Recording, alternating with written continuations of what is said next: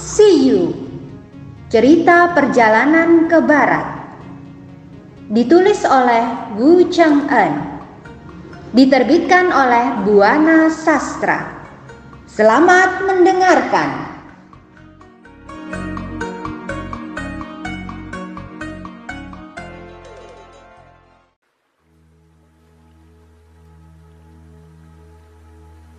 Sun Wukong segera mengajak rombongannya menuju penginapan milik keluarga Wang yang sedang diambil buntalannya.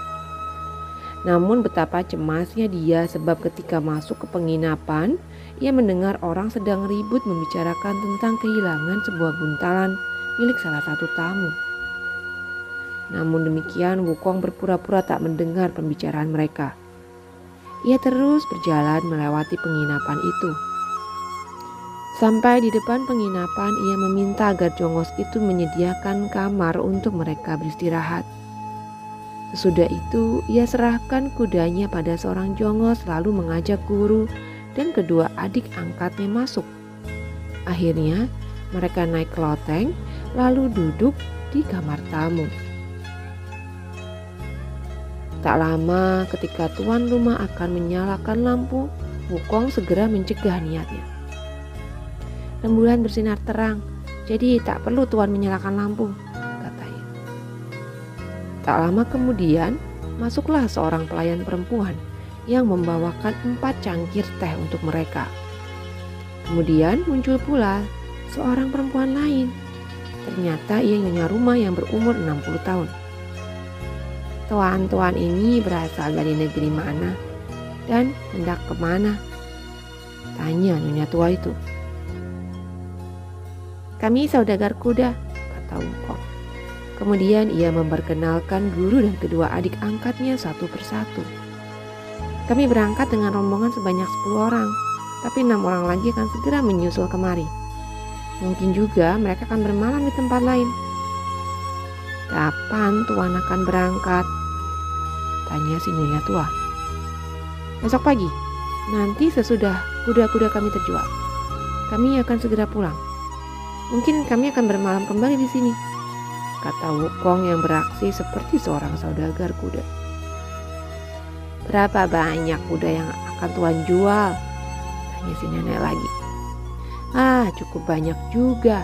Tak kurang dari 100 ekor. Sedangkan bulu kuda yang kami bawa beraneka warna dan bagus-bagus, kata Wukong. Ah, sayang sekali, sayang sekali, kata si nyonya tua. Mendengar kata-kata nenek itu, Sun Wukong kaget lalu bertanya, Emang kenapa Nyonya? Sebenarnya jika Tuan datang agak siangan, untuk jumlah kuda-kudamu yang tak seberapa kami sanggup menampungnya. Apalagi kami juga mempunyai halaman yang luas. Bahkan untuk ratusan kuda pun kami sanggup menampungnya. Almarhum suamiku mempunyai marga Zhao karena itu aku dipanggil Nyonya Zhao. Sedangkan kamar di penginapan kami terdiri dari 13. Tapi entah Tuan Sun mau memakai kamar yang kelas berapa. Oh soal itu, kata Wukong yang baru mengerti maksud nenek. Biarlah kami ambil kamar yang sedang saja, yakni kelas pertengahan. Namun mengenai makanannya, Nyonya boleh kirim yang kelas satu. Bagus, kata si nenek yang segera turun untuk menyuruh jongosnya menyiapkan kamar untuk tamunya berikut makanan yang dipesan. Tak lama, tuan rumah sudah sibuk menyembelih angsa, kambing, dan sebagainya. Selain itu, mereka juga menanak nasi putih dan menyediakan arak istimewa yang segera disediakan. Hai Wukong, ku dengar dia menyembelih angsa, kambing, dan juga ayam. Bagaimana kalau semua makanan itu disajikan pada kita? Kata Tang Sanjang. Jangan cemas guru, kata Wukong yang segera berjalan ke jendela untuk memanggil Nyonya Zhao. Nyonya Zhao, Nyonya Zhao. Nyonya rumah bergegas menghampiri tamunya.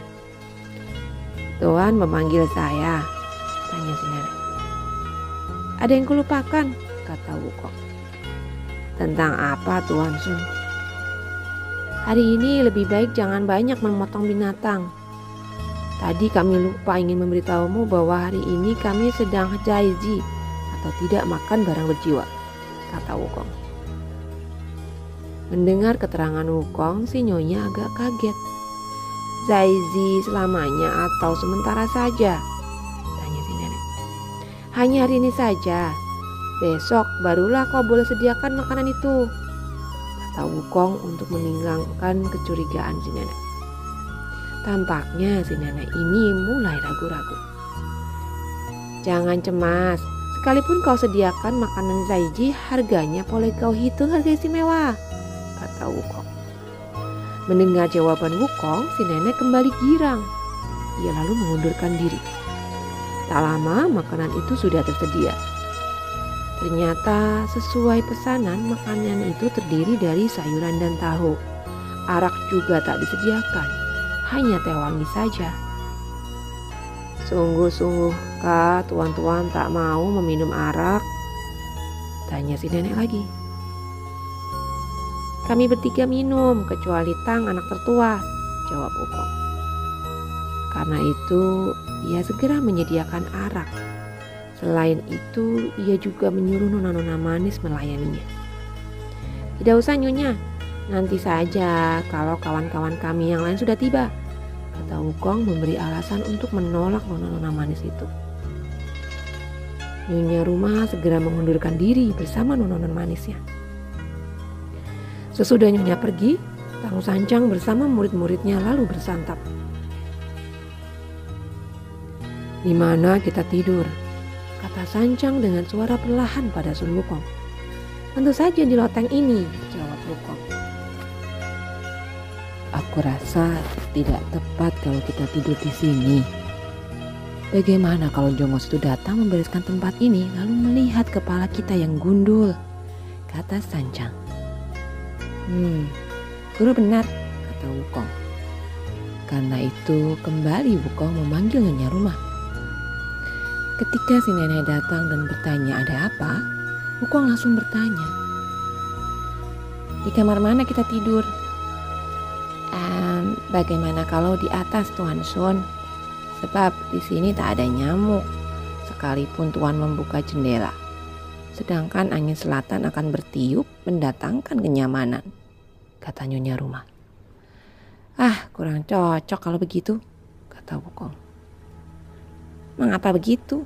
Tanya rumah heran. Zul, anak ketiga, punya penyakit encok. Sedangkan Cha, anak keempat, takut masuk angin. Apalagi Tang anak tertua, terbiasa tidur di dalam kamar yang gelap tanpa penerangan. Aku sendiri tak menyukai keadaan terang, kata Wukong memberi berbagai alasan. Mendengar kata-kata Wukong, Nyonya Zhao nampak kebingungan. Sambil menggelengkan kepalanya, ia pun pergi meninggalkan tamu-tamunya. Ketika ia melewati kamar anak perempuannya, kelihatannya anak perempuan itu keheranan. Ada apa, Bu? Kelihatannya kau seperti kecewa dan agak murung. Saat ini kita memang kekurangan tamu yang bermalam di tempat ini. Jadi ibu pun harus maklum. Apalagi keadaan perdagangan juga agak sepi. Nanti pada musim gugur, pasti kita akan dibanjiri tamu.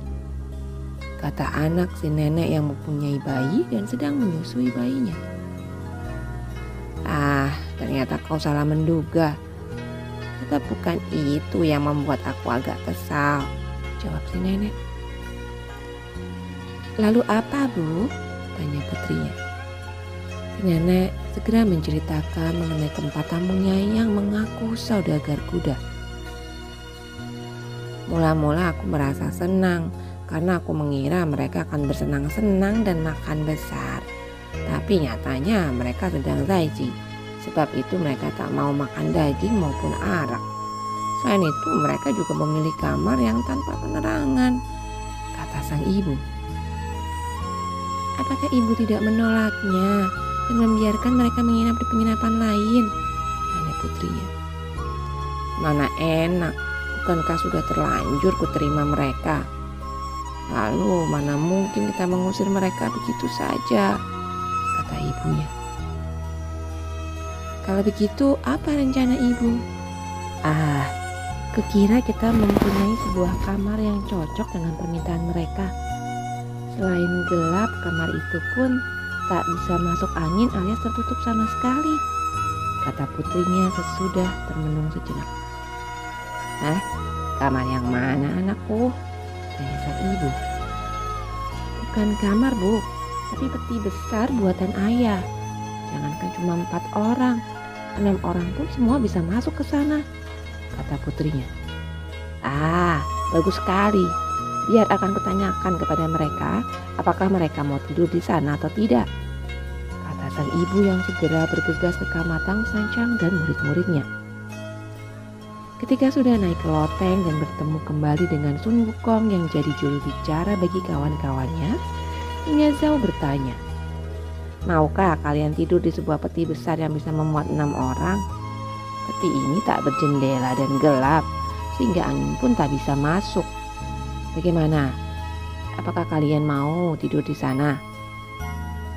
Baiklah, coba segera kau siapkan untuk kami. Jawab Wukong. Kembali Nyonya Zhao turun dari loteng lalu memerintahkan jongos-jongosnya menggotong peti itu. Sudah siap, Tang Sancang bersama murid-muridnya memeriksanya. Tanpa buang waktu lagi, Subaiji segera masuk ke peti besar itu. Sudah itu barulah Tang Sancang dan Wukong serta Sawu Jing masuk. Di mana kuda kita? Tanya Wukong tiba-tiba. Jongos yang mendengar pertanyaan tamunya segera menjawabnya. Di belakang, Tuan, sedang makan rumput. Tolong kau bawa kemari, lalu tambatkan saja di dekat peti ini, kata Wukong. Kemudian dia meminta agar peti itu ditutup rapat dan memesannya agar Nyonya Zhao membangunkan mereka pagi-pagi sekali. Sesudah menguji peti besar itu dari luar, Nyonya Zhao lalu meninggalkan tamunya di dalam peti. Sesudah itu, pintu penginapan pun segera ditutup dan dikunci karena hari sudah malam. Tang Sancang bersama ketiga muridnya yang tidur di dalam peti besar perlahan-lahan merasakan udara panas hingga membuat mereka agak tersiksa juga. Selain hawanya pengap, cahaya pun tak ada yang masuk ke situ. Terpaksa mereka menggunakan kopiah mereka untuk mengipas dan membuka baju. Namun sekalipun mereka sangat tersiksa, tapi karena lelahnya, akhirnya mereka tertidur juga sekitar jam 2 malam. Sun Wukong yang tak bisa tidur pula segera bangun lalu mencubit kaki Zubaiji. Diam kau, kenapa kau belum tidur juga? Ah, aku mengantuk, kenapa sih kau belum tidur juga? Kata Baji. Namun Wukong terus mengoceh sendiri. Modal kita seluruhnya 5000 tahil perak, sedangkan hasil penjualan kuda kita 3000 tahil. Sekarang uang yang ada pada kita sekitar 4000 tahil dan desa kuda belum terjual masih berharga sekitar 3000 tahil lagi. Ah, kalau dihitung-hitung hasil dagangan kita cukup baik juga, kata Wukong. Namun karena mengantuk, Subaiji tak menghiraukan ocehan Sun Wukong itu. Tapi bagi jongos-jongos itu lain lagi. Ketika mereka mendengar kata-kata Wukong, para jongos penginapan yang berkomplot dengan para penjahat segera berunding. Kemudian salah seorang dari mereka segera pergi ke tempat penjahat untuk memberi informasi kepada mereka. Tak lama muncullah 20 orang penyamun ke penginapan itu. Mereka membawa obor dan bersenjata lengkap. Mendengar ada penyamun datang, Nyonya Zhao dan putrinya ketakutan. Rupanya mereka tak tahu kalau jongos mereka berkomplot dengan penjahat. Karena itu dengan terpaksa mereka bersembunyi di dalam kamar mereka. Para perampok itu segera mengangkut peti besar bersama isinya. Demikian juga dengan kuda yang terikat tak jauh dari peti besar itu. Namun Nyonya Jauh berpura-pura tak mengetahuinya karena ia pun ketakutan sekali. As, kakak Shun, tidurlah, bisik Baji. Untuk apa kau goda aku dengan menggerak-gerakkan peti ini? Diam, jangan banyak bicara. Bukan aku yang menggerakkan peti, bisik Wukong. Tak lama, Sawucing dan Tang Sancang pun terbangun. Ah, aku rasa ada yang menggotong peti kita, kata Tang Sancang. Hush, diam, jangan banyak bicara. Biarkan saja mereka menggotong kita sampai ke barat. Malah kita beruntung kalau capek-capek mendengarati negeri ini, kata Wukong. Namun rombongan Tang Sancang yang ada di dalam peti tak mengetahui bahwa para penjahat itu menggotong mereka tidak ke arah barat, melainkan berbalik ke arah Akur.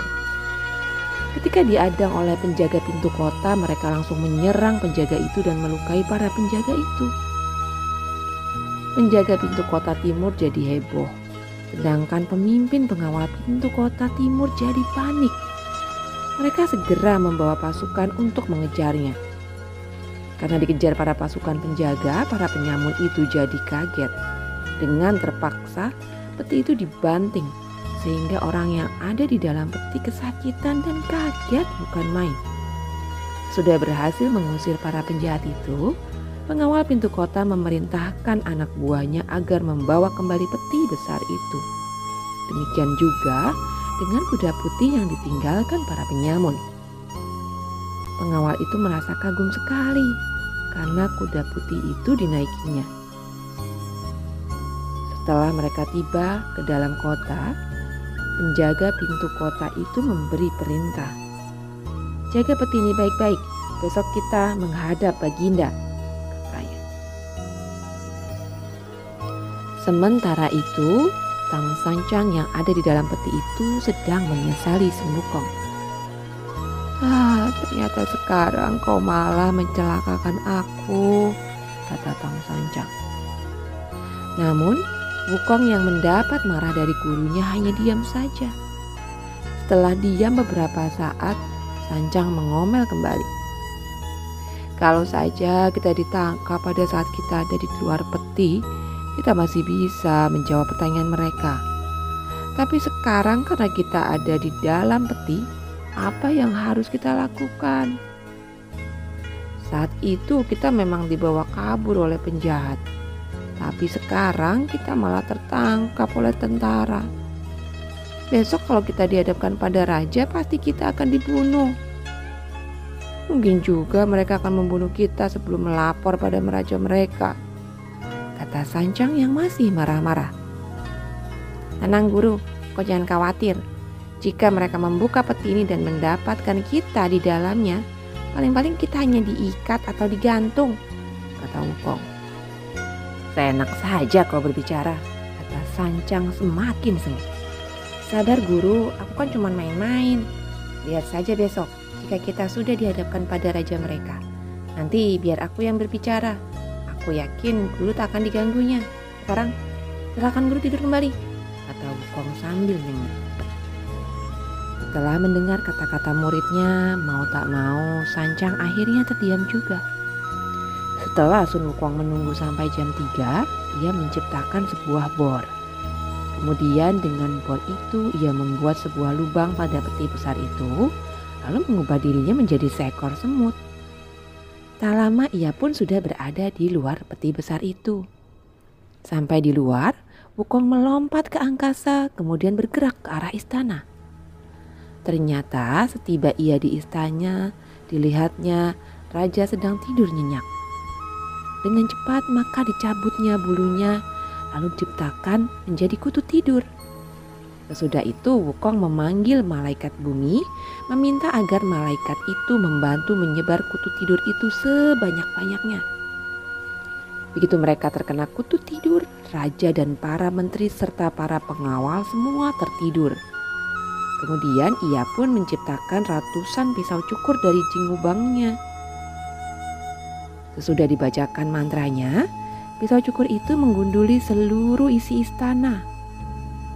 Dalam waktu singkat, kerja pisau cukur itu selesai. Kemudian, pisau-pisau cukur dikembalikan ke asalnya menjadi jingubang kembali. Selesai dengan pekerjaannya, ia pun segera kembali ke tempat gurunya di kantor penjaga pintu kota. Sesudah masuk ke peti, lalu ia tidur di dekat gurunya. Ketika pagi tiba, di istana jadi gempar. Ternyata semua menteri kalang kabut karena kepalanya gundul. Sedangkan para dayang pun jadi kaget ketika akan menyisir rambut mereka dan melihat lewat kaca, kepalanya sudah gundul. Para Kasim pun demikian. Semua jadi gempar dan amat berduka. Kemudian berkumpullah mereka tanpa berani membuka suara. Ketika permaisuri dan selir raja bangun, mereka pun jadi kaget karena mereka pun sudah gundul semua. Mendengar suara ribut, raja terbangun karena kaget. Rupanya ia belum sadar kalau kepalanya sudah jadi gundul. Ada apa kalian ribut-ribut? Tanya raja heran. Ketika dilihatnya kepala permaisuri dan selirnya jadi gundul, raja merasa heran sekali. Sedangkan permaisuri dan selirnya yang melihat kepala raja sudah gundul menjadi heran juga. Tuanku, kau telah gundul seperti biksu, kata permaisuri. Mendengar kata permaisurinya, raja jadi kaget. Dengan cepat dipegangnya kepalanya. Benar saja ia merasakan semua rambutnya telah hilang. Melihat kenyataan itu, raja jadi bingung sendiri. Ah, apa yang terjadi? Kenapa kepalaku jadi begini? Kata raja kebingungan. Sudah mengetahui bahwa kepala permaisuri, selir dan kasim jadi gundul, bukan main kagetnya raja. Oh tuanku, kiranya sekarang kita semua telah menjadi biksu, kata permaisuri. Mendengar kata-kata permaisuri, akhirnya raja menangis. Oh celaka, Mungkin ini akibat dosa kita yang membunuh para biksu, kata raja. Sudahlah, sekarang tenang saja dan jangan ribut agar tidak ketahuan para menteri. Sekarang mari kita adakan sidang ke istana. Para Kasim, Permaisuri, dan Selir semua menurut. Kemudian mereka segera melakukan pekerjaan seperti biasa. Pada saat di istana gempar, di gedung para menteri dan pegawai kerajaan pun juga ribut. Mereka jadi geger ketika melihat kepalanya gundul. Padahal mereka harus datang ke istana untuk bersidang. Sedang kepala mereka telah gundul semua. Akhirnya, karena tak bisa berbuat apa-apa, mereka jadi berduka sekali. Namun demikian, dengan terpaksa mereka harus pergi dari istana. Dengan menanggung perasaan duka, mereka terpaksa berangkat juga ke istana.